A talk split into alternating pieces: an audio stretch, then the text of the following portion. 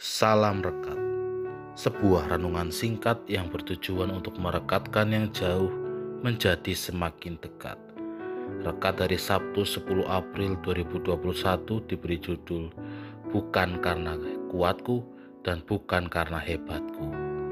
Rekat hari ini dilandasi firman Tuhan dari Daniel 2 ayat 24 sampai 49 Ayat nats hari ini diambil dari ayat 30 Adapun aku, kepadaku telah disingkapkan rahasia itu.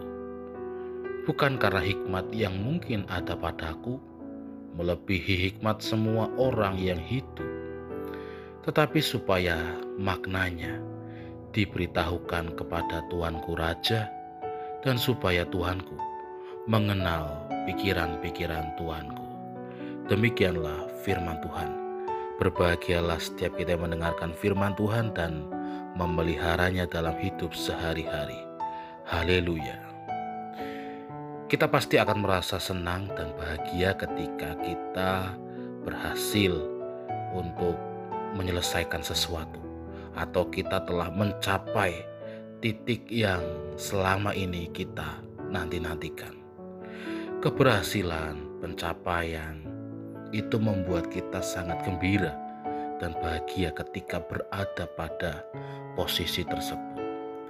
Tetapi ingatkah kita bahwa ternyata ketika kita telah berhasil, ketika kita telah sukses, bukankah itu juga merupakan berkat Tuhan, di mana Tuhan telah memperlengkapi dan memakai kita untuk mencapai kesuksesan tersebut? Belajar dari kisah Daniel beserta kawan-kawannya. Mereka yang pada waktu itu berada di tanah pembuangan tidak membuat mereka kecil hati. Justru mereka dimampukan, mereka dikuatkan, dan juga diperlengkapi untuk menjadi pewarta atau ahli untuk menafsirkan mimpi, dan juga menjelaskan artinya kepada sang raja, yaitu Raja Nebukadnezar. Daniel di dalam pernyataannya mengatakan bahwa itu semua bukan karena kekuatan dan juga bukan karena kegagahannya. Daniel justru menyatakan bahwa itu semua karena Allah yang telah menyertainya. Itulah pengakuan Daniel, di mana ia sadar bahwa apa yang ia katakan, apa yang ia lakukan, apa yang ia kerjakan, bukan karena dirinya sendiri. Itu semua karena mata dan pendengaran yang diperlengkapi oleh Allah, sehingga Allah dapat berkarya melalui dirinya.